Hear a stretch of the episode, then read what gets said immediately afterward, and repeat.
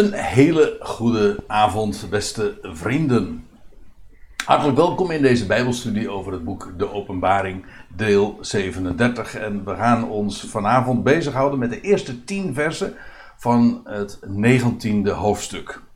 In de voorgaande studies hebben we ons beziggehouden, intensief mag ik wel zeggen, met de stad Babylon die illustere stad die al zo vroeg in de wereldgeschiedenis, of zo vroeg in deze aion, die begon in de dagen van Noach, een grote rol heeft gespeeld. Eigenlijk door de hele geschiedenis heen. En in de eindtijd zal deze stad in het huidige Irak aan de rivier de Uivraat, het huidige Hilla. Die stad zal opnieuw weer een geweldige, grootse, maar ook lugubere en sinistere rol gaan spelen. In hoofdstuk 17 wordt Babylon beschreven als de hoofdstad, min of meer van, de, van dat, die tien statenbond. En de hoofdstad van dat beestrijk. En in hoofdstuk 18 dan hoe deze stad uiteindelijk te gronden zal worden gericht en compleet zal ten onder gaan. En dat allemaal in één uur zelfs, zo wordt beschreven. Ook nu zullen we ons trouwens nog bezighouden, nog even met die val van Babylon. Want in de eerste verse van hoofdstuk 19 uh, eh, maken we als het ware nog even uh, een staartje mee, als ik het zo mag zeggen, van, van die val van Babylon. Maar wellicht dat het nuttig is om eventjes nog een, een, een nadere introductie te geven. Want kijk, hoofdstuk 19 is ook echt, ik zal het straks ook laten zien, een chronologisch vervolg uh, op hoofdstuk 17 en 18. Waar dus de stad Babylon beschreven wordt en haar val. In dat hoofdstuk 19, dan is het zo dat die eerste 10 versen uiteenvallen in twee delen. In vers 1 tot en met 5 zien we een of wordt beschreven een lofzang op de val van de grote stad Babylon. En dan in de navolgende versen 6 tot en met 10 een, weer een lofzang op de komst van ja, de bruiloft van het lammetje.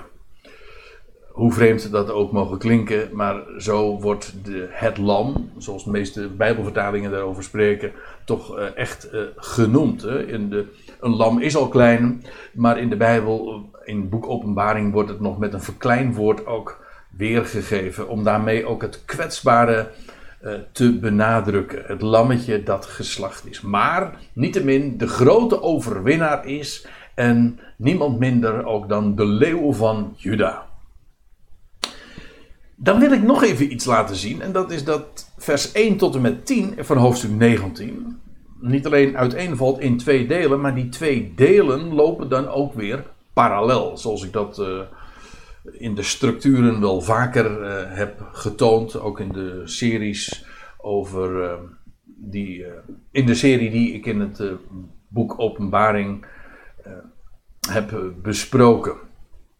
De structuur van een, een, hoofdstuk of van een hele passage werpt vaak ook heel veel licht op haar betekenissen. Dat is niet zomaar. En bij oppervlakkige lezing merk je zulke dingen niet op. Maar wanneer je ja, onder de oppervlakte kijkt, dan, dan zie je juist die, die opbouw en de wonderlijke wijze hoe dat allemaal met elkaar samenhangt. Beide, lopen, delen lopen qua structuur dus parallel. Nou, dat wil ik graag even laten zien. In hoofdstuk 1, oh pardon, in vers 1 tot en met 5 dus het oordeel over de hoer. En vers 6 tot en met 10 over de bruid en de bruiloft. En dan zie je eigenlijk ook al meteen dat die twee ook weer samenhangen, want die zijn elkaars tegenhanger. Je hebt aan de ene kant de hoer, de ontrouwe vrouw. En aan de andere kant heb je daar de bruid, die in fijn linnen is gekleed. En de bruiloft die aanstaande is. Wel, eerst wordt de hoer terzijde gesteld en daar wordt definitief een einde aan gemaakt om dan vervolgens de bruid te introduceren. Nou, dan wil ik ook laten zien dat die twee delen inderdaad parallel lopen. Ik heb dat eigenlijk ook uh, door het inspringen van de tekst laten zien hoe dat samenhangt. Dan zie je dus het eerste deel, uh, in vers 1 zie je, dan wordt, dan wordt er vermeld uh, de stem van een talrijke schare. En in vers 6 zie je dat ook weer. Wordt dat gedeelte dus ook geïntroduceerd met de stem van een talrijke schare. En dan klinkt daar ook in beide gedeelten vervolgens meteen een halleluja. En dat niet alleen, ook een motivatie daarvoor. De reden waarom uh, God geloofd wordt en geprezen. Dan vervolgens, dat is uh, eigenlijk, dat staat centraal in de beide gedeeltes. Uh, in het eerste deel gaat het dan over, over de, de hoer, over de verwoesting van de hoer, of eigenlijk van de stad die voorgesteld wordt als hoer, en hoe uh, de rook van haar verwoesting opstijgt. Dat is dus negatief. In het tweede gedeelte, van 6 tot en met 10 dus, daar wordt juist niet uh, de hoer, maar juist de bruid en de vrouw van het lammetje beschreven en haar bruidskleed. Dat is dus positief. Vervolgens, en dat is dan weer eigenaardig, wordt uh, beschreven hoe uh, de, de oudsten, de 24 oudsten, in aanbidding neerbuigen. Um, maar in het tweede gedeelte wordt juist gesproken over de aanbidding van Johannes. En dat is dan weer negatief. Heel eigenaardig hoe die twee dan elkaar weer uh, afwisselen. En dan uh, eindigt het eerste gedeelte met een oproep vanaf de troon. En in vers 10 wordt er, uh, is er een, sprake van een, ook weer van een oproep, maar dan van de boodschapper die Johannes spreekt. En, en ook aanspreekt. En de clue eigenlijk weergeeft van het boek De Openbaring de geest van de profetie. Nou, wat ik hiermee wil laten zien is dat die beide passages die we dus nu gaan bespreken, uh, dus volmaakt parallel aan elkaar lopen. Nou, laten we meteen maar dan verder gaan met de bespreking. En dan pakken we de draad op bij vers 1. En dan staat er na deze dingen, en dit is precies wat ik al eerder even bedoelde met hoe hoofdstuk 19 chronologisch aansluit op hoofdstuk 17 en 18. Want zo begint het ook. Na deze dingen, de dingen namelijk die beschreven waren in, uh, het. Pardon, in het voorgaande hoofdstuk. Na deze dingen hoorde ik als een luide stem van een talrijke schare in de hemel zeggende. Uh, ja, je kunt je er iets bij voorstellen dat als, als er massaal uh, een, een, van, van een schare. Uh, als daar de roep, een, een, een, de, een spreekkoor klinkt. Een talrijke schare. En zoiets hoorde Johannes dan. Massale instemming en wel van bovenaf. Hè? Massale instemming vanuit de hemel. Want het was een talrijke schare die hij hoorde in de hemel. En wat je daarmee dus ziet is dat hoofdstuk 19 begint met uh, hoe de hemel en zij die daar vanuit toekijken, maar dat niet alleen, daar ook actief bij betrokken zijn. De hemel was immers al veel eerder schoongemaakt. Degenen die daar niet in thuis horen waren al op de aarde geworpen, zoals we dat in hoofdstuk 12 lezen. En, en nu overwint de hemel, zeg maar, ook over de, de, alle tegenstand op aarde. En nu dat bolwerk daar aan de Uivraat, de stad Babylon, is verwoest. Komt daar massale instemming vanuit de hemel. En dan wordt er gezegd: Halleluja! De redding en de heerlijkheid en de macht zijn van onze God. Dat halleluja, dat, uh, dat klinkt hier dus, maar we kennen dat uh, vooral uit het boek de, pardon, uit het boek de Psalmen. Waar het 25 keer klinkt. Halleluja. En meestal, maar ik weet niet helemaal of ik het nu correct zeg, maar in ieder geval dikwijls, is dat ook een reactie, die oproep, of die uitroep. Uh, halleluja, het is, is een, is een internationaal Hebreeuws woord, want hallel betekent loven, prijzen. En dat ja aan het einde van het woord verwijst naar de godsnaam Yahweh. En halleluja is dus loof Yahweh, loof de Heere, zoals we dat in de Nederlandse vertaling dan meestal weergeven. En dat is uh, veel vaker, zoals ik hier ook uh, verwijzingen geef naar Psalm 104, Psalm 149, maar er zijn meer voorbeelden van. Maar daar zie je het wel heel speciaal. Hoe uh, die oproep juist ook klinkt, of die uitroep van halleluja, als, als daar schoon schip is gemaakt, als God zijn gerichten heeft gezonden op aarde en hoe hij de dingen recht zet. En ja, dat is een reden om, uh, om God te loven. Want er staat de redding en de heerlijkheid en de macht zijn van onze God. Dus uh, schematisch voorgesteld, wat is dan van onze God? Nou, redding, hij redt. Ja, hier in het boek De Openbaring is dat sowieso heel duidelijk. Hij redt zijn volk uit. En bovendien, hij, door dat te doen, uh, openbaart hij zijn heerlijkheid ook op aarde, maar daarmee ook zijn macht. En die macht is ook de macht zijn vermogen, zijn dynamisch, uh, de macht van zijn koninkrijk. Dat komt allemaal van bovenaf. Vandaar ook uh, dat dit koninkrijk ook inderdaad top-down wordt gevestigd. Eerst in de hemel, daar geschiet Gods wil en zo ook op de aarde. En zo zal Gods wil geschieden. En daar was eerst die bruggenhoofd ontstaan in Israël. En daar is het koninkrijk gevestigd. Jeruzalem is hersteld, maar nu wordt het ook uitgebreid over de hele aarde. En die uitbreiding, ja, die is in hoofdstuk 19, vindt dan echt zijn afronding. Redding, heerlijkheid en macht, die is ja, van niemand minder dan van de God van ons. Want zo staat het er letterlijk. De God, namelijk van ons.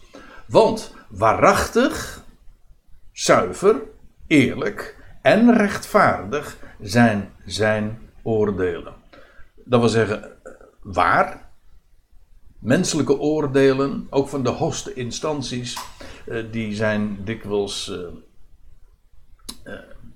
niet gekenmerkt door waarachtigheid. Recht, zoals dat ergens in Jezaja's tijd struikelt op de straat en in deze boze Aion uh, zien we daar uh, zo vaak voorbeelden ook van hoe er geoordeeld wordt, maar niet waarachtig, niet zuiver, ook niet recht.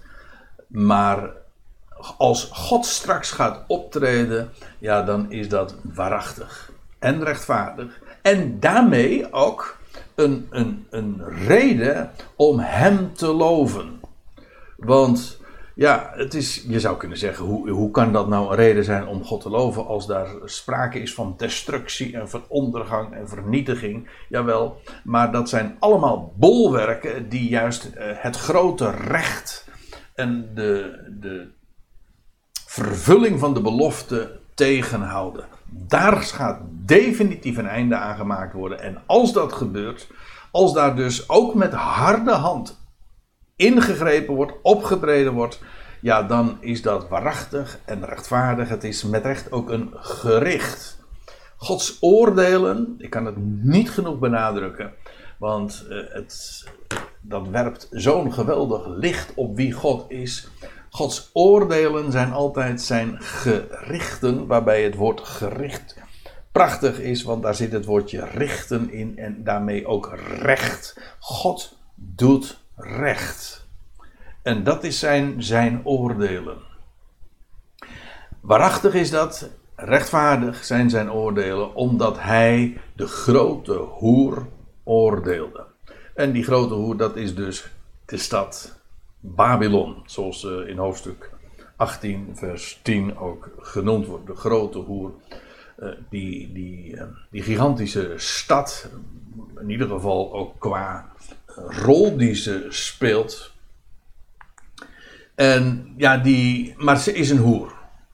Het is de grote tegenpool van Jeruzalem, waar de Messias zijn koninkrijk inmiddels al heeft opgericht. Laat ik het uh, even wat chronologisch uh, neerzetten.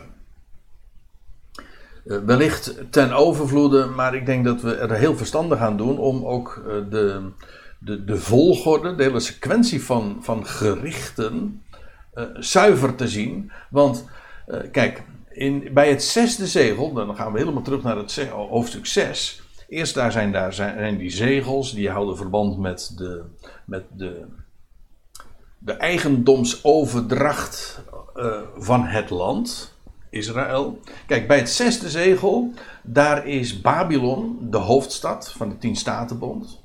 Maar uh, bij die gelegenheid, bij het zesde zegel, is, verschijnt de Messias op de Olijfberg. Dat zal zijn aan het einde van de periode van 42 maanden, van 1260 dagen, de verdrukking over Israël. De Messias verschijnt op de Olijfberg. En bij die gelegenheid, als Babylon dus in haar volle glorie is, tussen aanhalingstekens, maar in ieder geval de hoofdstad is van de wereld, zal Jeruzalem worden verwoest. Een, een, een ongelovige Joodse staat komt dan aan zijn eind, aan haar eind. En uh, dat wat er nog overleeft in het land, overgebleven is in het land, moet vluchten naar het buitenland, naar de woestijn. In ieder geval, Jeruzalem is dan verwoest. Vervolgens uh, wordt uh, het land eh, weer hersteld. Vanuit de woestijn trekt een gelovig volk en ook weer een, een, een volk dat verzameld is in de woestijn, trekt op naar het land en dan wordt Jeruzalem hersteld, weer opgebouwd. En de Messias zal vanuit Jeruzalem ook regeren. In die tijd wordt Israël hersteld. Dat is het zevende zegel, zoals dat ook in hoofdstuk 7 dan beschreven wordt. Dan zullen er ook 144.000 Joodse, jonge Joodse of Israëlitische mannen worden verzameld en die gaan uit, uitgezonden worden over de aarde. Zij worden beveiligd voor de gerichten die dan nog zullen plaatsvinden. Uh, het idee is dus, Israël is dan inmiddels hersteld. De Heer regeert al in Jeruzalem, alleen nog maar uh, over het land. De rest van de wereld is vijandig nog en moet nog veroverd worden. Op dat moment, uh, dat is die periode dus van die zeven bazuinen, later worden ze genoemd de zeven schalen. Op dat moment is dus Israël onderworpen, maar de rest van de wereld uh, nog niet. En God wreekt zich ook over de volkeren. En ja, dan zal het getuigenis van het koninkrijk ook klinken. En uh, Israël zal het evangelie van het koninkrijk wereldwijd brengen. Afijn, dan is de situatie dus dat Babylon, Babylon inderdaad nog steeds uh, de hoofdstad is van de wereld. Maar inmiddels zal de Messias ook regeren in Jeruzalem. Dus daar heb je die, die padstelling. Aan de ene kant heb je daar Jeruzalem. En aan de andere kant is daar Babylon. Die trouwens, u, ziet het hier op dit kaartje ook, uh, ongeveer op dezelfde breedtegraad liggen. Op één lijn, maar uh, ook tegenover elkaar. Dat moet duidelijk zijn. En dan uiteindelijk uh, wordt de situatie, en dat is waar we het eigenlijk nu over hebben, als we in hoofdstuk 19 zijn aangekomen, dat is bij de zevende bezuin, ook bij de zevende schaal, dan is Babylon inmiddels verwoest. En wordt Jeruzalem de hoofdstad van de wereld. Dus Jeruzalem was al de stad van waaruit uh, geregeerd werd. Dat wil zeggen waar de Heer uh, zijn zetel had uh, neergezet. Maar de, de, de stad, of pardon, de, de wereld was nog niet onderworpen. En eh, hier is de situatie inmiddels dat Babylon dan verwoest is. En dat is eigenlijk het laatste vijandige bolwerk buiten het land. Ik kom er straks nog even op terug. en maar ik lees nu eventjes verder uh, over die, die stad, over die hoer Babylon. Daarvan wordt gezegd, die de aarde verdierf in haar hoererij. En hij, met hoofdletter, God dus, hij eiste het bloed van zijn slaven. Namelijk uit haar hand. Uh, wat dus betekent dat Babylon schuldig is aan twee dingen. Aan de eerste, in de eerste plaats aan hoererij. Uh, nou, daar hebben we het uh, vrij uitgebreid ook over gehad. Want het bijzondere van Babylon in de eindtijd is dat het een, een Israëlitische stad is daar aan de Uivraat. Het wordt een, een dependant van Jeruzalem.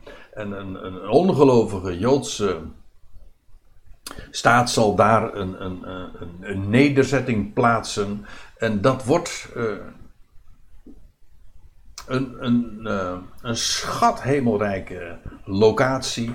Uh, het, het wereldhandelscentrum komt, wordt daar gevestigd.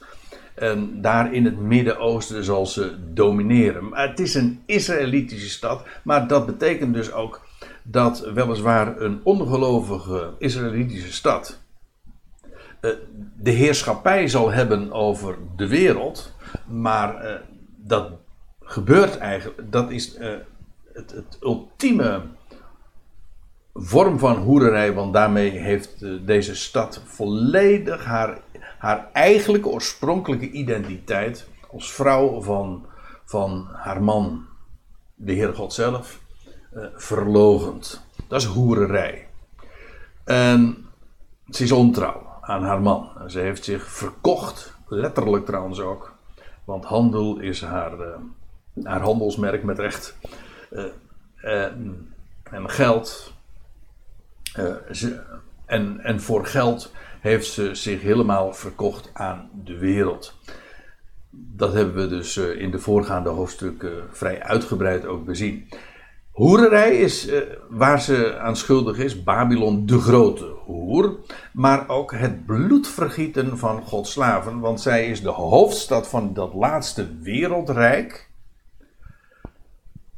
En die legitimeert de vervolging van al Gods slaven, van Gods knechten, zo u wilt.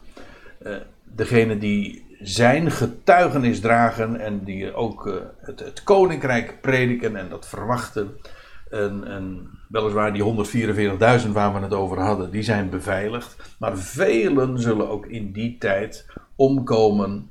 En wel, dat wordt allemaal ook ge, gespind en ge, geregeld en gelegitimeerd daar in Babylon. En God zal het bloed van zijn slaven uit haar hand eisen. Dat zijn de twee dingen waar zij eh, in het bijzonder zich aan schuldig gemaakt heeft. En ze heeft daarmee de aarde verdorven. En, maar daar is nu dus een einde aan gekomen. En dan staat er, en de tweede keer hebben ze gezegd: Halleluja. Opnieuw dus. En haar rook, waarbij dat woordje en hier, dat is wel eigenaardig, want uh, je zou eigenlijk meer. Sorry. Uh, het woordje want hebben verwacht, maar u moet zich realiseren: het woordje en, dat is gewoon een, een voegwoord. Dat is een leuk woord trouwens. Voegwoord wil zeggen dat het twee woorden aan elkaar koppelt. Uh, dat lang niet altijd alleen maar de betekenis heeft van plus. Zo van 1 en 1 is 2. Maar uh, het is ook gewoon twee dingen worden, zinnen of zinsdelen worden aan elkaar gekoppeld. Waarbij het woordje en ook uh, soms redengevend is. Uh, dus de betekenis krijgt van namelijk. Of zoals hier, want. Halleluja, want haar rook stijgt op tot in de ionen van de ionen. Dus niet, ja, tot in alle eeuwigheden. Het woordje alle staat er helemaal niet eens. Eeuwigheden ook niet. Het is een, een hele slappe, misleidende, moet ik zeggen, vertaling. Tussen aanhalingstekens, want ik kan het niet, eigenlijk niet eens een vertaling noemen. Uh, het is geen, niet alle eeuwigheden een aion, dat heeft te maken met een wereldtijdperk. En dit is een overtreffende trap. De Ionen van de Ionen. We komen hem vaak in het boek open, de openbaring tegen. Dit zijn die wereldtijdperken waarin Christus zal heersen. En dat zijn overtreffende Ionen, want uh, ze zullen. Dat zijn die wereldtijdperken die nog gaan komen, maar die alle. De Ionen die daaraan vooraf gegaan zijn, uh, verre zal overtreffen. Vandaar dus ook die overtreffende trap. De Ionen der Ionen, of van de Ionen. Zoals de hemel der hemelen, of het lied der liederen. De koning der koningen. Dat is, zijn allemaal vormen van een overtreffende trap. En eigenlijk ook een typisch Hebraïsme. Een, een taal eigen uit, eh, de, uit het Hebreeuws. En eh, in die ionen die nog gaan komen, ja, dan zal eh, het, eh, haar rook, dat wil zeggen de rook van die stad opstijgen. Want die stad die wordt helemaal uh, met de grond gelijk gemaakt. Om, om niet te zeggen dat die stad, zelfs gewoon in de, in de grond verdwijnt. Dat is het einde van de stad Babylon. Dus eventjes schematisch voorgesteld. Je had de Aion die van voor Adam, dat wereldtijdperk. En ja, ik geef het maar eventjes kort weer. De, de Ionen, de Ionen van Adam tot de zondvloed. En dan krijg je uh, de tegenwoordige boze Ion. Ik heb hem expres maar in een donkere kleur ge, weergegeven. Het is namelijk een boze Ion. En als deze Ion aan haar eind komt, het einde van de Ion, zo wordt het uh, nogal eens een keer ook aangeduid als dit wereldtijdperk ten einde komt, ja, dan breekt dus de komende Ionen aan. En dat, daarin zal Christus heersen. En die is overtreffend. En dat heb ik grafisch dan zo weergegeven. Die gaat daar bovenuit. En eerst krijg je dan de komende Ion. Maar de Bijbel spreekt over de Ionen ook. De komende Ionen. En eerst krijgen we dan de duizend jaren waarin Satan zal zijn gebonden. Daar zullen we trouwens. Uh, over een paar keer, ehm, ja, over een, eh, niet de volgende studie, maar eh, de keer daarop wellicht eh, over gaan spreken in hoofdstuk 20, waar gesproken wordt over de duizend jaren. Dat is de toekomende Aion. Maar dat is ook niet het einde, want het wordt, die Aion die daarop zal volgen is nog weer overtreffender. Vandaar ook dat dat genoemd wordt de Aion der Ionen. Dus die twee ionen die nog gaan komen heten de ionen der ionen. En die laatste heet de ion der ionen, waarmee is aangegeven dat die laatste ion nog weer overtreffender is. Eigenlijk, als ik het grafisch goed had eh, willen weergeven, had ik die zelfs nog eventjes bovenuit moeten plaatsen. Het wordt steeds groter. Dit zijn de ionen waarin Christus zal heersen. Zo wordt dat ook in hoofdstuk 11, vers 15 gezegd. Hij zal heersen hij zal koning zijn tot in de ionen der ionen. Is dat eindeloos? Is dat in de eeuwigheid? Nee, absoluut niet, want 1 Korinthe 15 zegt hij moet heersen totdat. En dat betekent dus uh, alleen al uit uh, vergelijking van zulke passages en van zulke uitdrukkingen, dat je weet dat, uh, dat aan de ionen der ionen een einde komt. En dan uh, bij het einde van Christus heerschappij zal hij de dood teniet doen. En dan worden allen uh, levend gemaakt. En dan zal God worden alles in allen. Dat zie je trouwens niet meer in het boek De Openbaring. In het boek De Openbaring gaat het eigenlijk alleen nog maar over de ionen der ionen waarin Christus zal heersen.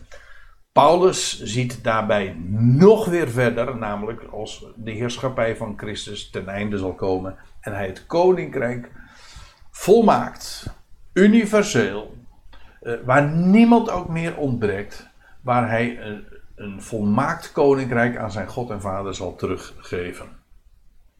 Het is van enorm groot belang om, om die termen ook eh, recht te doen en ze correct weer te geven. En niet zoals in onze vertalingen is daar echt een uh, hutspot van gemaakt.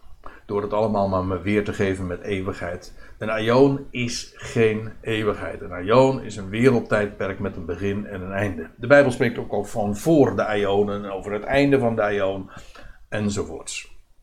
Nou, bij die korte aantekeningen wil ik het nu maar even laten, want uh, bij andere gelegenheden heb ik dat veel uitgebreider besproken. Het is buitengewoon belangrijk om dat scherp te zien.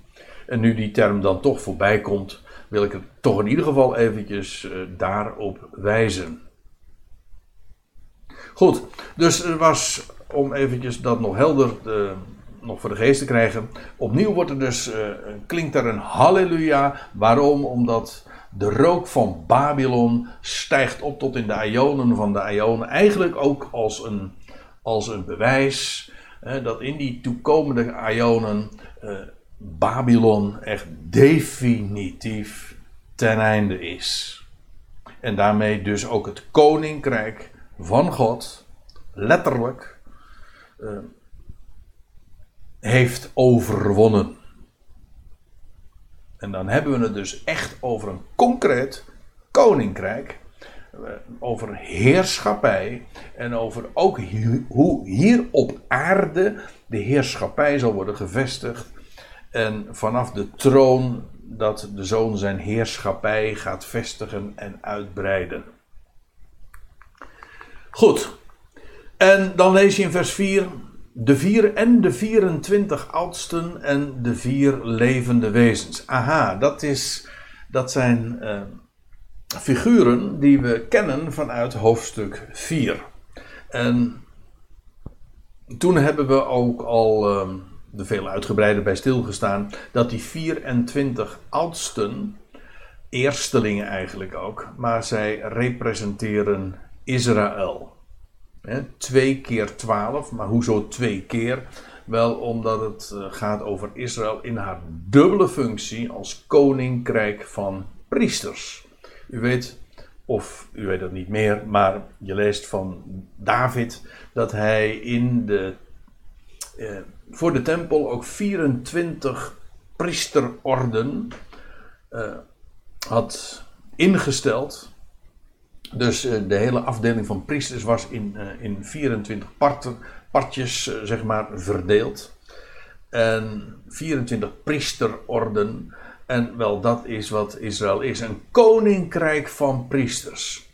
En, en die 24 oudsten zijn als het ware symbolische representanten van Israël. Zoals de vier levende wezens of de vier dieren, maar uh, levende wezens denk ik wat beter. Soa betekent trouwens ook uh, letterlijk levend, of komt van het woordje levend, levende wezens. Ehm, die vier levende wezens, ook die kwamen we al tegen in hoofdstuk 4. En zij representeren, hebben we toen gezien, de vier typen van levende wezens waarmee God een verbond sloot. Ook dat verbond uh, komt in hoofdstuk 4 trouwens ook nog ter sprake in, de, in dat symbool van die regenboog. En God sloot ooit een verbond, ja, niet alleen met Israël, om, zodat Israël uh, te midden van de wereld een, een, koninkrijk zou zijn van priesters. Maar God had al veel eerder een verbond gesloten met al wat leeft. En dat uh, wordt beschreven in, in hoofdstuk 9 van het boek Genesis, na de zondvloed. En dat God het teken van zijn verbond ook geeft. En God had beloofd uh, dat hij deze aarde niet meer zou verwoesten door water en hij geeft zijn belofte aan, aan, ja, aan al wat leeft. Het wordt zo ook beschreven, want dan wordt er gesproken met, over, de, over uh, het gevogelte, over het vee, over al het wildgedierte en over de mensheid. En dat zijn vier typen levende wezens. En die komen we dan vervolgens ook in de beschrijving van die vier levende wezens tegen. Het ene lijkt op een mens, het andere op een arend, en op een rund en op een leeuw. Zo was het, ja. In ieder geval vier typen levende wezens die eigenlijk dus uh, de levende natuur, de levende schepping voorstellen. Dus zodat dus uh, de 24 oudste en de vier levende wezens uh, emblemen zijn van, of het wapen zijn van uh, Israël en de wereld daaromheen in de meest brede zin des woords. En de 24 oudsten en de vier levende wezens aanbaden de God die op de troon zit, zeggende Amen. En opnieuw weer Halleluja. En ja, het idee is daarbij ook dat via Israël, de 24 oudsten, komt heel de wereld onder de heerschappij van God. Het is de God die op de troon zit. En het is zijn koninkrijk dat wordt gevestigd. En een stem ging uit van de troon zeggende: Looft onze God, al zijn slaven, die hem vrezen, de kleinen en de groten. Waarbij uh, die uitdrukking zijn we trouwens al een paar keer tegengekomen in het boek. En ik geloof dat we nog een keer tegenkomen, als ik me niet vergis. Maar uh, de kleinen en de grote, dat duidt ja, zowel op fysiek formaat. Een, een kleine en een grote. In de praktijk is dat hetzelfde als jong en oud. Maar ook klein en groot qua aanzien. Hè. Iemand kan klein zijn, niet veel betekenen. En de groten, ja, die hebben uh, veel meer aanzien. Dus in de letterlijke of in de symbolische of figuurlijke zin, in beide gevallen is het zo. Allen die hem vrezen, het zij klein, het zij groot. En heel de wereld wordt als het ware opgeroepen om, om de ode te geven aan onze God eh, die op de troon zit. En ik hoorde als een stem van, uh, van een talrijke schare, als een stem van vele water, als een stem van sterke donderslagen. Dus het komt met heel veel uh, luidruchtigheid, met veel lawaai uh, opnieuw een stem. En het moet, uh, mag ons niet ontgaan dat we nu dus eigenlijk een herhaling krijgen, maar daar wees ik al even op. Uh, want hier begint dus dat paralleldeel. die eerste vijf versen was, klonk daar dat, dat halleluja vanwege de val van de stad Babylon. En nu begint in vers 6 tot en met 10. Ja, dan komt er opnieuw een lied, en, maar nu is het onderwerp de bruid. Eigenlijk is het daar komt de bruid. Dat is vers 6 tot en met 10.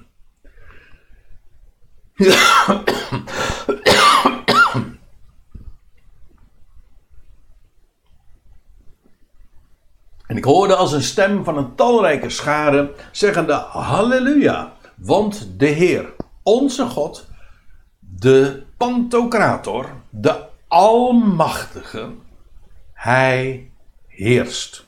Hij heeft alle macht. Niet alleen maar principieel dat het hem toekomt, maar hij heeft ook nu, in deze setting, in dit tijdstip, hier in hoofdstuk 19, de macht in handen en de macht gevestigd op aarde.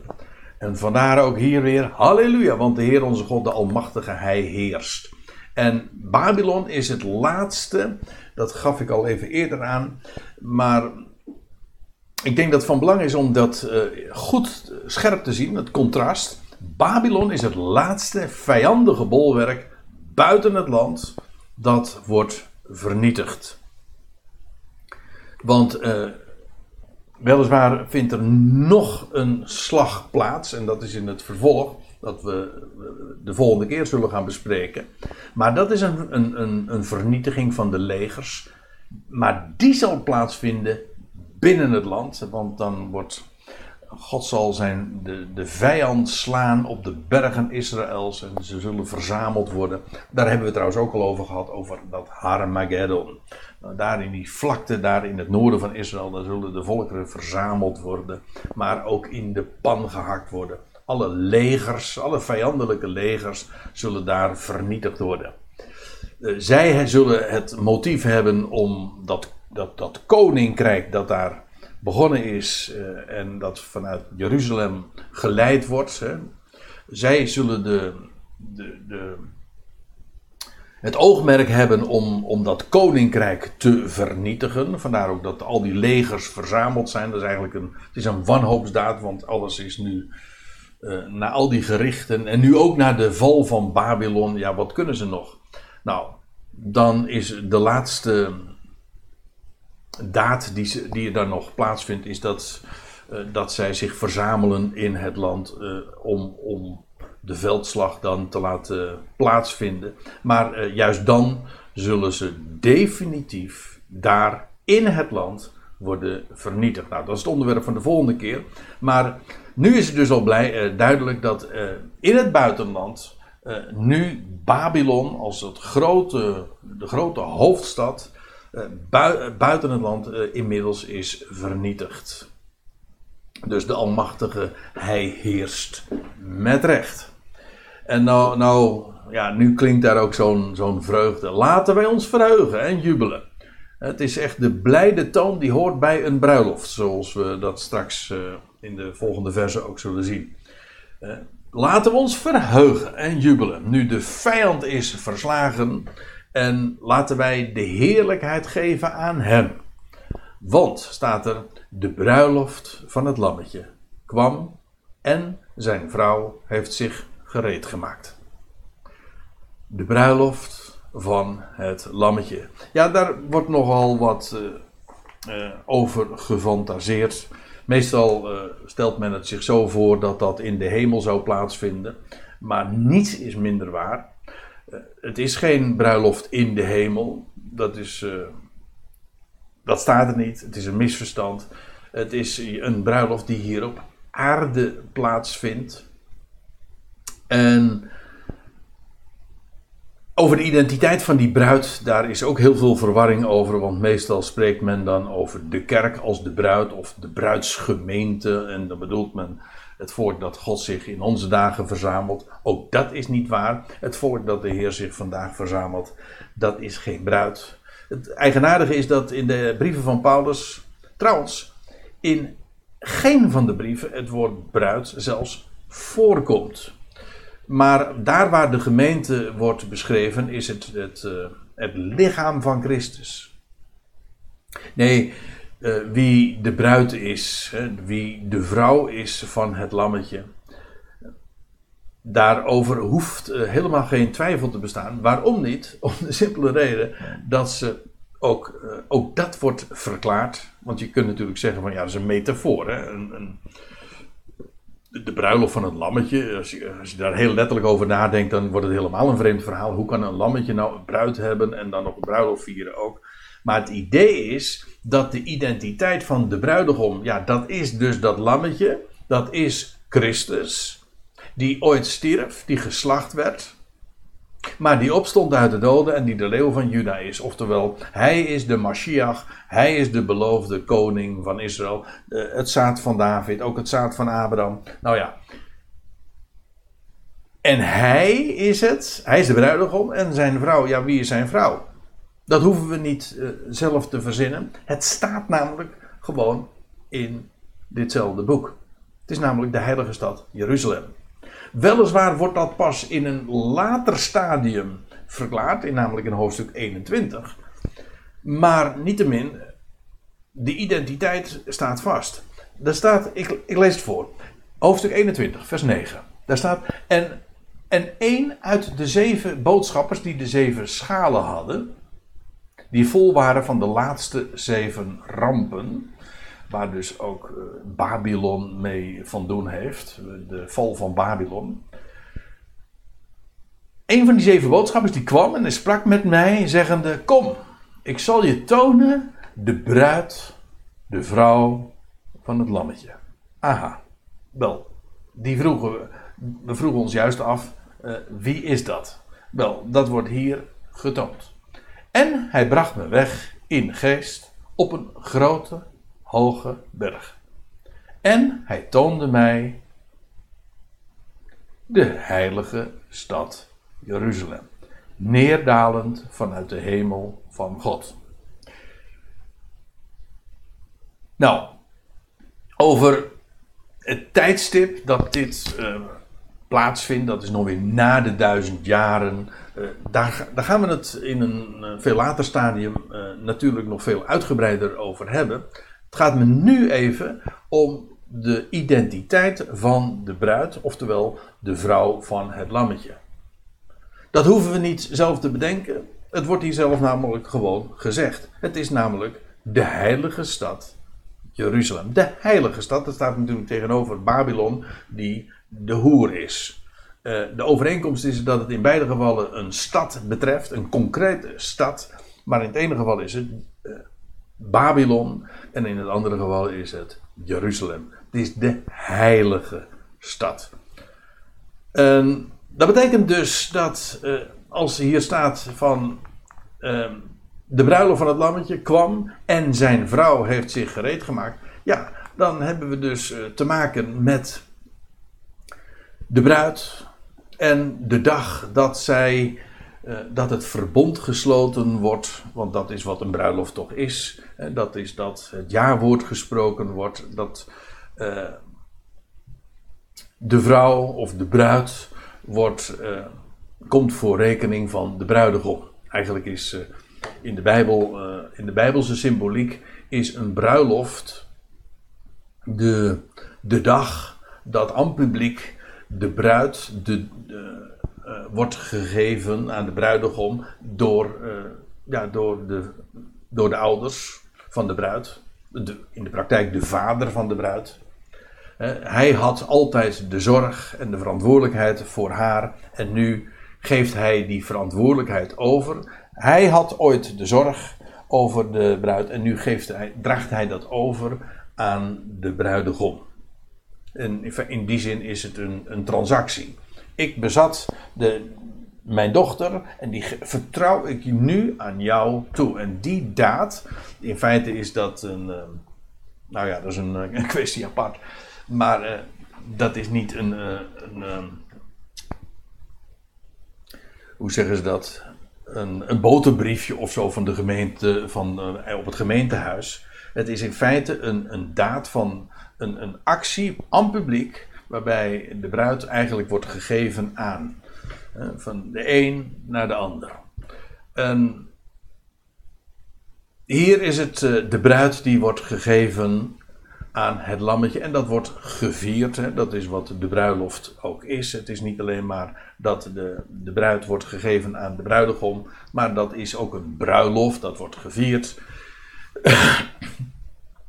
en ja, dat is een, een heel bekend beeld bij uh, Israëls profeten. Ik zei al, in de brieven eh, speelt uh, de bruid helemaal geen rol. In, de, in Paulus' brieven kom je in het woord überhaupt niet eens tegen. En, maar de bruid en die gedachte van de bruiloft, ja, die is heel erg bekend bij de profeten. Ik zal een, een tweetal voorbeelden geven. In, om te beginnen Jesaja 62. Daar staat dit in vers 1. Om Sions wil zal ik niet zwijgen. En om Jeruzalems wil zal ik niet rusten. Ik heb het expres met kapitaalletters in vette uh, in vette letters uh, benadrukt, eh, dat, zodat de identiteit ons niet kan ontgaan. Het gaat hier over Sion, over Jeruzalem. Um, totdat zijn heil opgaat. Eigenlijk zijn Yeshua. Ja, ja, dat verwijst inderdaad ook naar haar Messias. Totdat zijn heil opgaat als een lichtglans en zijn verlossing als een brandende fakkel. Volkeren zullen uw heil zien, alle koningen uw heerlijkheid. En men zal u noemen met een nieuwe naam, die de mond van Yahweh zal bepalen. Nou, wat hier even eh, duidelijk moet zijn, is dat eh, Jeruzalem, oftewel Sion, zal heil, redding krijgen, maar ook een geweldige heerlijkheid. En alle koningen van de wereld, ehm, die zullen dat zien. En, en dan lees je vervolgens, en, en u, Sion, Jeruzalem, zult een zierlijke kroon in de hand van Jahweh zijn. Een koninklijke tulband in de hand van uw God. En hier zie je dat Jeruzalem inderdaad bestemd is als de stad te zijn van de grote koning. En die koninklijke stad, van waaruit niet alleen Israël, maar vanuit, vanuit, waarvanuit heel de wereld, alle volkeren zullen worden geregeerd. Het is een sierlijke kroon, een koninklijke tulband. En dat, dat wijst ook weer op de, de centrale rol. Jeruzalem is de stad van de grote koning. Van daaruit zal heel de wereld worden geregeerd. Het laatste wereldrijk, definitieve, is een Israëlitisch wereldrijk dat geregeerd wordt. Niet vanuit Babylon, niet vanuit Athene, niet vanuit New York of waar dan ook, maar vanuit Jeruzalem. Van Jeruzalem zal de wet uitgaan. En des Heeren woord vanuit Jeruzalem. Dat is trouwens Jezaja 11 en Jezaja 2 en Micha 4. Nou ja, uh, dat vind je op nogal wat verschillende plaatsen. Ik lees even verder. Men zal u niet meer noemen verlatenen. Men zal uw land niet meer noemen woestenij. Wat het wel was bij vele gelegenheden. Maar, en nu is het definitieve tij gekeerd. U zult genoemd worden, mijn welgevallen. En uw land, gehuwde. Want Yahweh heeft een welgevallen aan u. En uw land wordt ten huwelijk genomen. Want zoals een jongeman bezit neemt van een maagd, zo nemen uw zonen bezit van u. En zoals de bruidegom opgetogen is over de bruid, zo is uw God opgetogen over u. Wie is hier de bruid? Dat is Jeruzalem, is Zion, het land van Israël in de meest uitgebreide zin. Ook Jeruzalem als de stad, die staat ook voor, uh, voor het land en voor het volk dat uh, van waaruit uh, het, het volk dat geregeerd wordt vanuit Jeruzalem dus. Ik zal u nog een voorbeeld geven. Vanuit het Oude Testament, dus vanuit de Hebreeuwse Bijbel, waarin je duidelijk ziet dat de bruid inderdaad verwijst naar, naar Israël. En in het boek Openbaring, dat het sluitstuk is van de profetie, is het niet anders. Als we daar weer de bruiloft tegenkomen en de bruid, ja, dan gaat het over de heilige stad Jeruzalem. Wat het boek zelf gewoon uitdrukkelijk zelf ook dus aangeeft. Maar bovendien, het is ook een, een bekroning, dat is een mooi woord in dit verband. Het is ook de bekroning van heel de Bijbelse profetie. Hosea 2. Dan staat er dit, eventjes ter introductie. Te dien dagen zal ik voor hen, Israël, een verbond sluiten met het gedierte des velds, het gevogelte des hemels, het kruipend gedierte der aarde. En dan zal ik, ja God zelf, boog en zwaard en oorlogstuig in het land verbreken en hen veilig doen wonen. Eigenlijk gaat dit ook over ja, de dingen waar we het in hoofdstuk 19 van Openbaring ook hebben. Daar wordt in het land zelf zal, uh, zullen de vijandige legers worden verbroken. Israël wordt in veiligheid gesteld. En uh, er wordt tevens ook een, een, een, verbond gesloten met, met heel de levende natuur. Heel de levende natuur zal ook een, een, een grootse een grootse verandering ondergaan. Ook daar spreken de profeten over. Het is dus uh, een, uh, een, niet alleen maar een, een, politieke verandering, dat wil zeggen dat de heerschappij uh, verschuift en verplaatst wordt en bij Jeruzalem terechtkomt. Nee, heel de, de volkerenwereld zal in, in, daarin delen en zelfs de hele levende natuur zal de zegenrijke gevolgen daarvan ondervinden. Ik geloof ook dat de mens dan ook weer echt heerschappij heeft over het gedierte. En dan zal een, mens, eh, een klein jongetje zelfs gewoon spelen met een, met, een, uh, met een adder of een slang of met een leeuw. En uh, daar heerschappij over hebben. En de dieren zullen luisteren. De mens zal dan ook met recht weer koning zijn over het gedierte. Daar moet ik wel om lachen. Want uh, ja, je hebt van die mensen, en ik ben er zelf eentje van, die bang zijn voor een hond. En uh, altijd gauw een straatje omlopen. Zal straks anders wezen. Dan straks uh, zal het precies andersom gaan. Dan zal die, die hond eerder bang zijn voor, oh, en zelfs een leeuw en zelfs een adder, bang zijn voor de mens. Althans, daar ontzag voor hebben. De mens zal dan met recht weer koning zijn over het gedierte. Zoals dat ooit uh, ook het geval was. Maar ik, ik lees even verder. En dan staat er in vers 19: In die tijd dus, te dien dagen, ik zal u, Israël, mij tot bruid werven voor eeuwig. Dat wil zeggen voor de aion die gaat volgen, of voor de ionen die gaan volgen. Ik zal u mij tot bruid werven. Door gerechtigheid en recht, door goede tierenheid en ontferming. En nu weer. En ik zal u mij tot bruid werven door trouw. En u zult Yahweh kennen. Wat trouwens ook een tamelijk dubbelzinnige term is in dit verband, want als er gesproken wordt over het kennen en het bekennen van een vrouw, dan is dat ook gemeenschap. Ik lees verder en het zal te dien dagen geschieden dat ik verhoren zal, luidt het woord van Jahweh, ik zal de hemel verhoren en die zal de aarde verhoren. Dus ehm, het is ook hier weer, waar we het al eerder over hebben, het komt vanuit de hemel.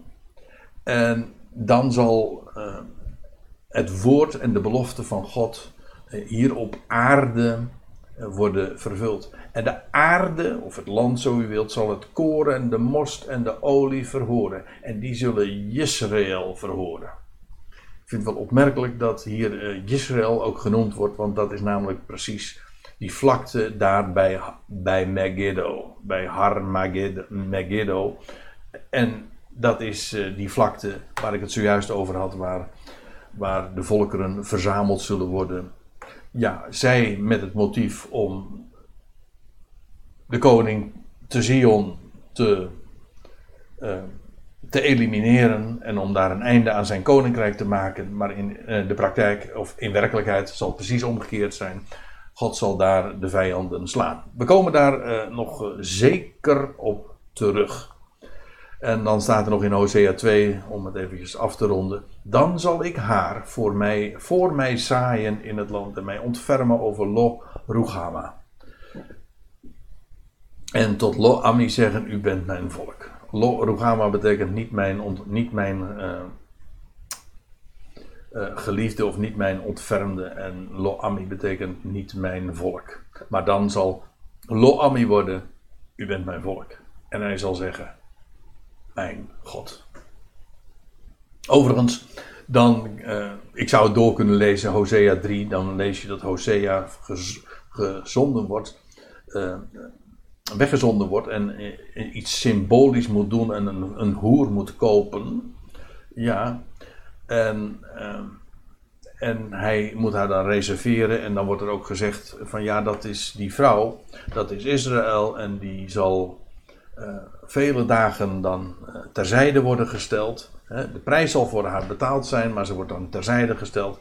Ja, totdat ze uiteindelijk toch de Here zal kennen. En ook dan is in dat beeld, in Hosea 3, uh, die vrouw met haar verleden, maar die gereinigd wordt, is een beeld van Israël. De vrouw die gehuwd wordt. Kortom, de bruid is Israël. Er is heel veel theologische discussie over, maar het hoeft wat mij betreft totaal geen vraag te zijn.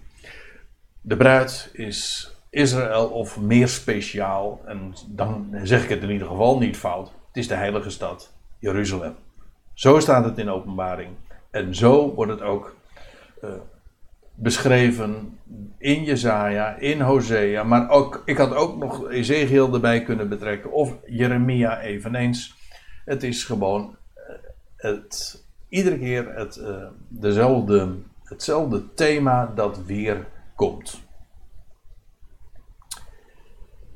Want de bruiloft van het lammetje kwam en zijn vrouw heeft zich gereed gemaakt. Ja, want ik vertelde al, uh, in die tijd van die bazuinen is het uh, Jeruzalem dat hersteld wordt en klaargemaakt wordt om ook de hoofdstad van de, de wereld te worden. De stad, het is de stad van de grote koning, zoals de Heer Jezus dat ooit uh, heeft benoemd in Matthäus 5 vers 35.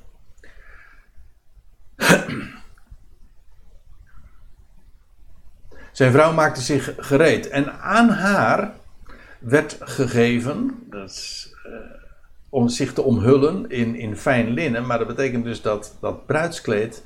Dat is een, een gift. Hè, is gegeven. En het is dus genade.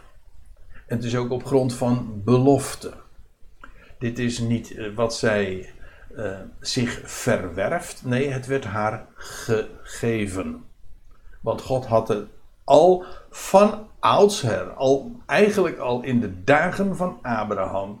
En later is dat alleen maar herhaald en bevestigd.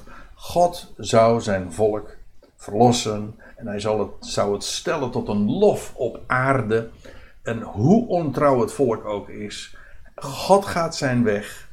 En via dat volk gaat hij de hele wereld zegenen. En dat is die bruiloft. Haar werd gegeven zich te omhullen in fijn linnen, schitterend en rein. Dat reine is natuurlijk dat maagdelijk witte uh, dat bij de bruid hoort. En uh, ik moet er ook bij zeggen dat fijn linnen is ook typerend voor de kleding van de priester. Hoe vaak lees je niet in Exodus, Leviticus, en later ook uh, in andere boeken dat, uh, dat priesters gekleed waren in functie, in, uh, als ze in functie waren in fijn linnen. Dus de kledij van de priester. Maar dat is precies ook wat past bij een priesterlijk volk. En in dit geval ook de bruid. En eigenaardig trouwens dat in hoofdstuk 44 van Ezekiel gezegd wordt dat het geen, geen wol zou zijn, maar fijn linnen. Want het moest niet iets zijn dat doet zweten. Vandaar fijn linnen. Linnen dat is, uh, heel, dat is heel luchtig. Daarin zweet je niet. En dat vind ik ook wel mooi. Want uh, het onderstreept precies ook dat het haar gegeven is. Het is genade. God doet haar dat uh, aan. Hij geeft het haar. Hij heeft het haar beloofd. En het is geen prestatie en het is pure genade. Want staat er, het fijne linnen zijn de rechtvaardigheden van de heiligen. En dat betekent dus dat het gegeven is. Natuurlijk, uh, het, het zijn de rechtvaardigheden van de heiligen. Kijk, het idee is, de bruid, haar identiteit is, staat vast. Het is namelijk de heilige stad Jeruzalem. En haar kleding, ja, dat zijn haar rechtvaardigheden. Eh, oftewel het geloof, want God rekent geloof tot rechtvaardigheid. Het is het geloof dat Jeruzalem, een gelovig Israël dus, aan de dag zal leggen in die tijd van de bezuinen. U moet zich voorstellen dat als, als, uh, als de Heer zal teruggekeerd zijn uh, en zijn voet gezet zal, op de, zal hebben op de Olijfberg en, en dan zijn volk zal. Uh, ontmoeten in de woestijn en van daaruit zullen ze optrekken naar het land en daar het land weer her, uh, herbevolken en ook weer gaan opbouwen. De steden, de verwoeste steden zullen worden opgebouwd. Jeruzalem zal worden hersteld. Dat gebeurt natuurlijk niet allemaal op een late namiddag. Maar in die tijd, uh, dat zal een hele heftige tijd zijn voor de wereld. Want dan zal als, als Israël hersteld is, dan zullen de volkeren te maken krijgen met de slaande hand van God. Wel, het zal zijn uh, in die tijd dat, dat Israël in geloof haar weg zal gaan. En ja, niet alleen die 144.000, maar ook die grote schare die uit de, uit de, uh, die uit de volkeren verzameld zal zijn en gebracht zal zijn in, in, in het land. En daar, zal, daar zullen ze zich verblijden om, om, de, om het woord van God en daaruit leven en daarin ook veilig zijn. Nou, dat fijne linnen, dat zijn de rechtvaardigheden van de heiligen. Oftewel, het is gewoon dat een gelovig Israël, een volk dat leeft met het woord van God, dat is wat haar rechtvaardig maakt. Daar staat ze op en dat is dat fijne linnen. Dus het is de bruid die gereed is ja, om, om het feest te gaan vieren. En waar alle volkeren ook bij zullen zijn uitgenodigd. Want dat is wat in vers 9 dan vervolgens beschreven wordt. Uh, en hij zei tot mij: Schrijf. Gelukkig zij die tot de maaltijd van de bruiloft van het lammetje zijn genodigd. Want, kijk, je hebt dus uh, verschillende categorieën. Je hebt aan de ene kant dus daar de bruidegom, dat is Christus, het lammetje. Als u mij vraagt, is dat Christus inclusief de gemeente, zijn lichaam. Hij is hoofd, wij zijn het lichaam. En dat betekent dus dat de gemeente niet deel uitmaakt van de bruid. Nee, de gemeente maakt deel uit van de bruidegom. De bruidegom, dat is Christus. En wij zijn het lichaam van Christus. En je zou dus kunnen zeggen, wij uh, maken dat feest ook mee, maar als, als deel uitmakend van de bruidegom. Een geweldige gedachte, uh, hoe wij uh, samen met Christus zullen huwen met een gelovig Israël straks.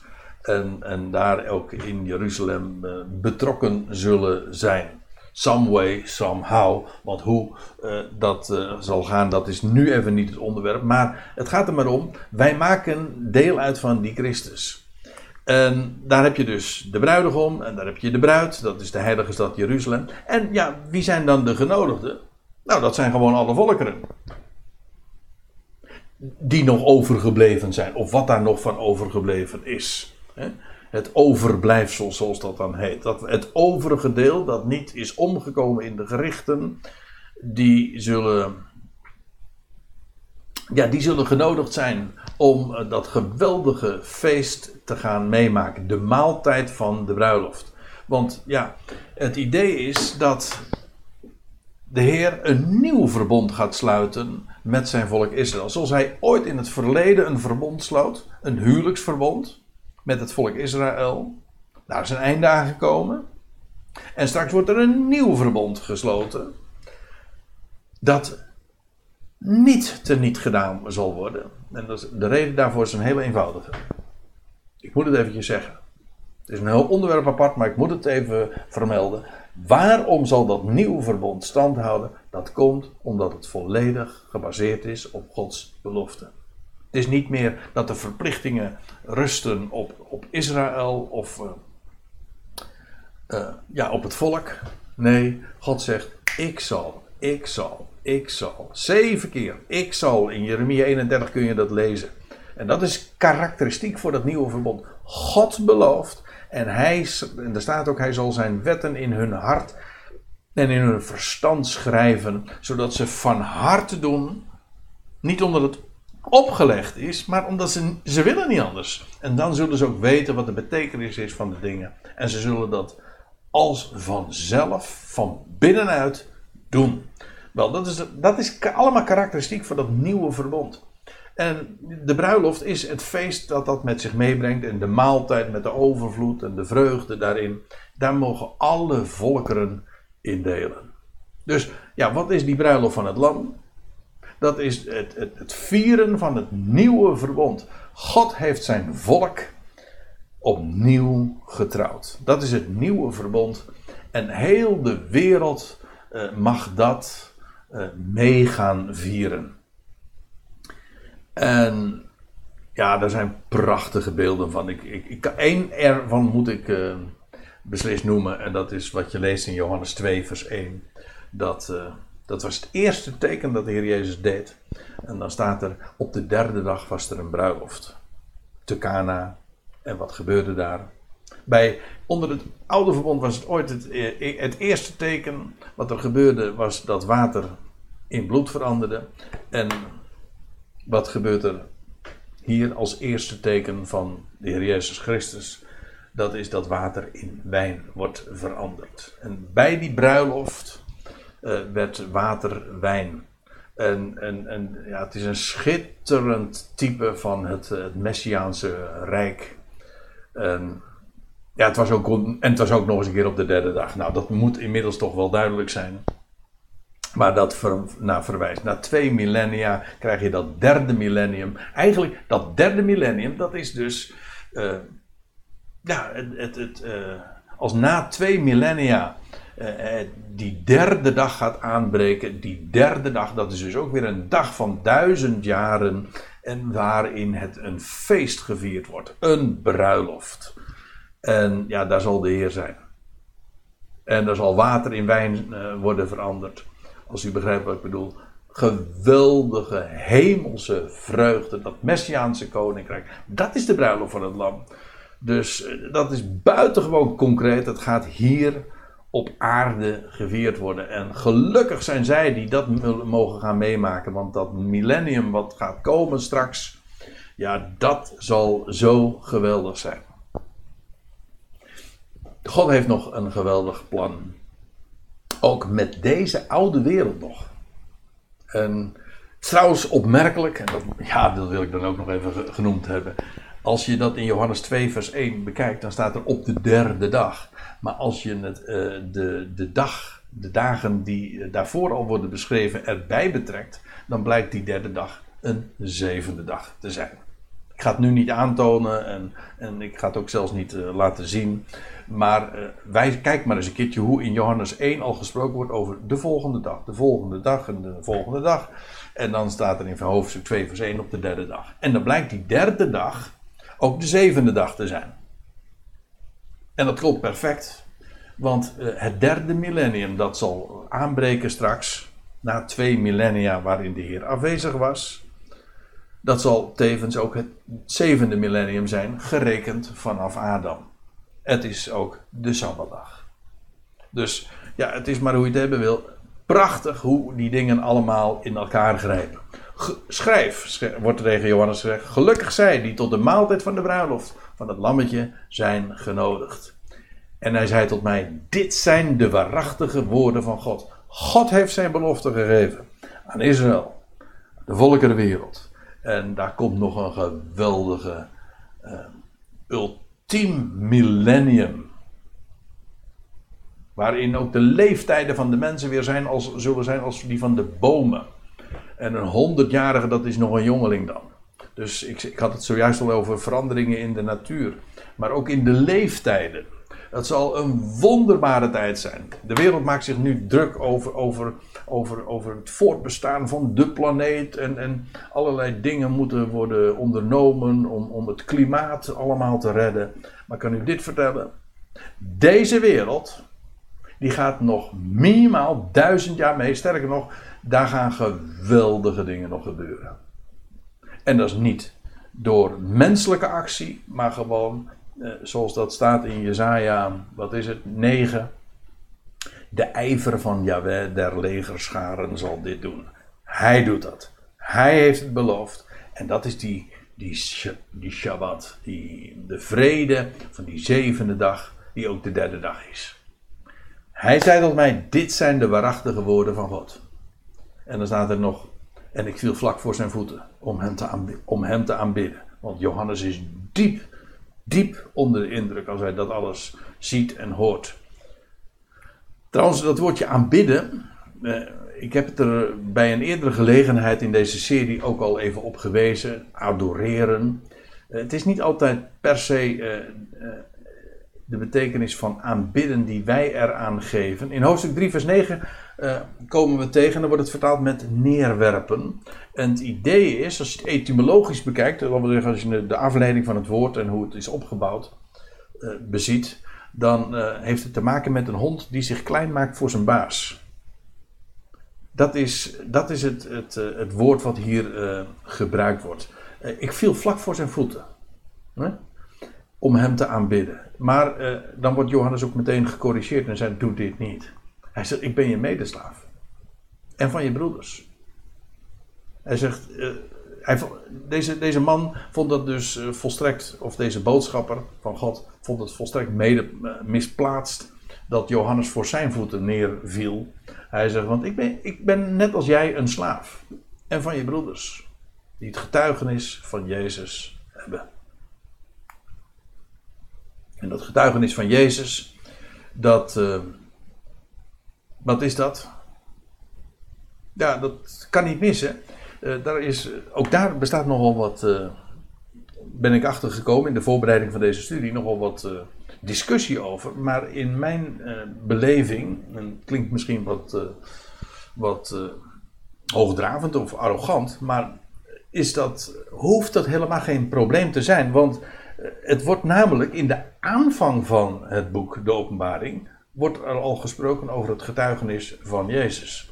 En dan blijkt dat het niets anders is dan de inhoud van het boek, de openbaring. Want dan staat er uh, in vers 1 en 2 wordt er gesproken over Johannes.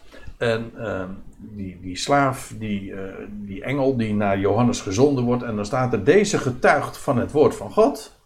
En het getuigenis van Jezus, van Jezus Christus. Al wat hij waarnam.